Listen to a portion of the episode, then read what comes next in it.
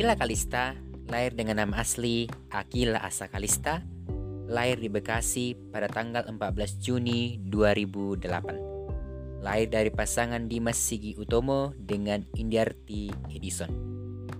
Akila memulai bermain sinetron pada tahun 2011 dengan judul Putri yang Ditukar.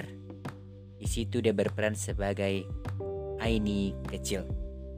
Dia mulai kontrak dengan perusahaan Cinema Art dari tahun 2011 sampai sekarang.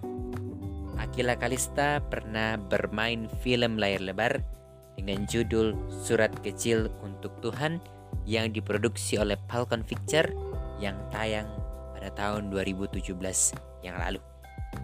Akila Kalista mulai dikenal luas setelah berperan sebagai Ria dalam sinetron dari jendela SMP yang tayang di SCTV sampai sekarang. Peran di sinetron dari jendela SMP itu dia berperan sebagai Ria yang ceplos-ceplos, agak lemot, dan disandingkan dengan Indro yang diperankan oleh Raisa Hidayat.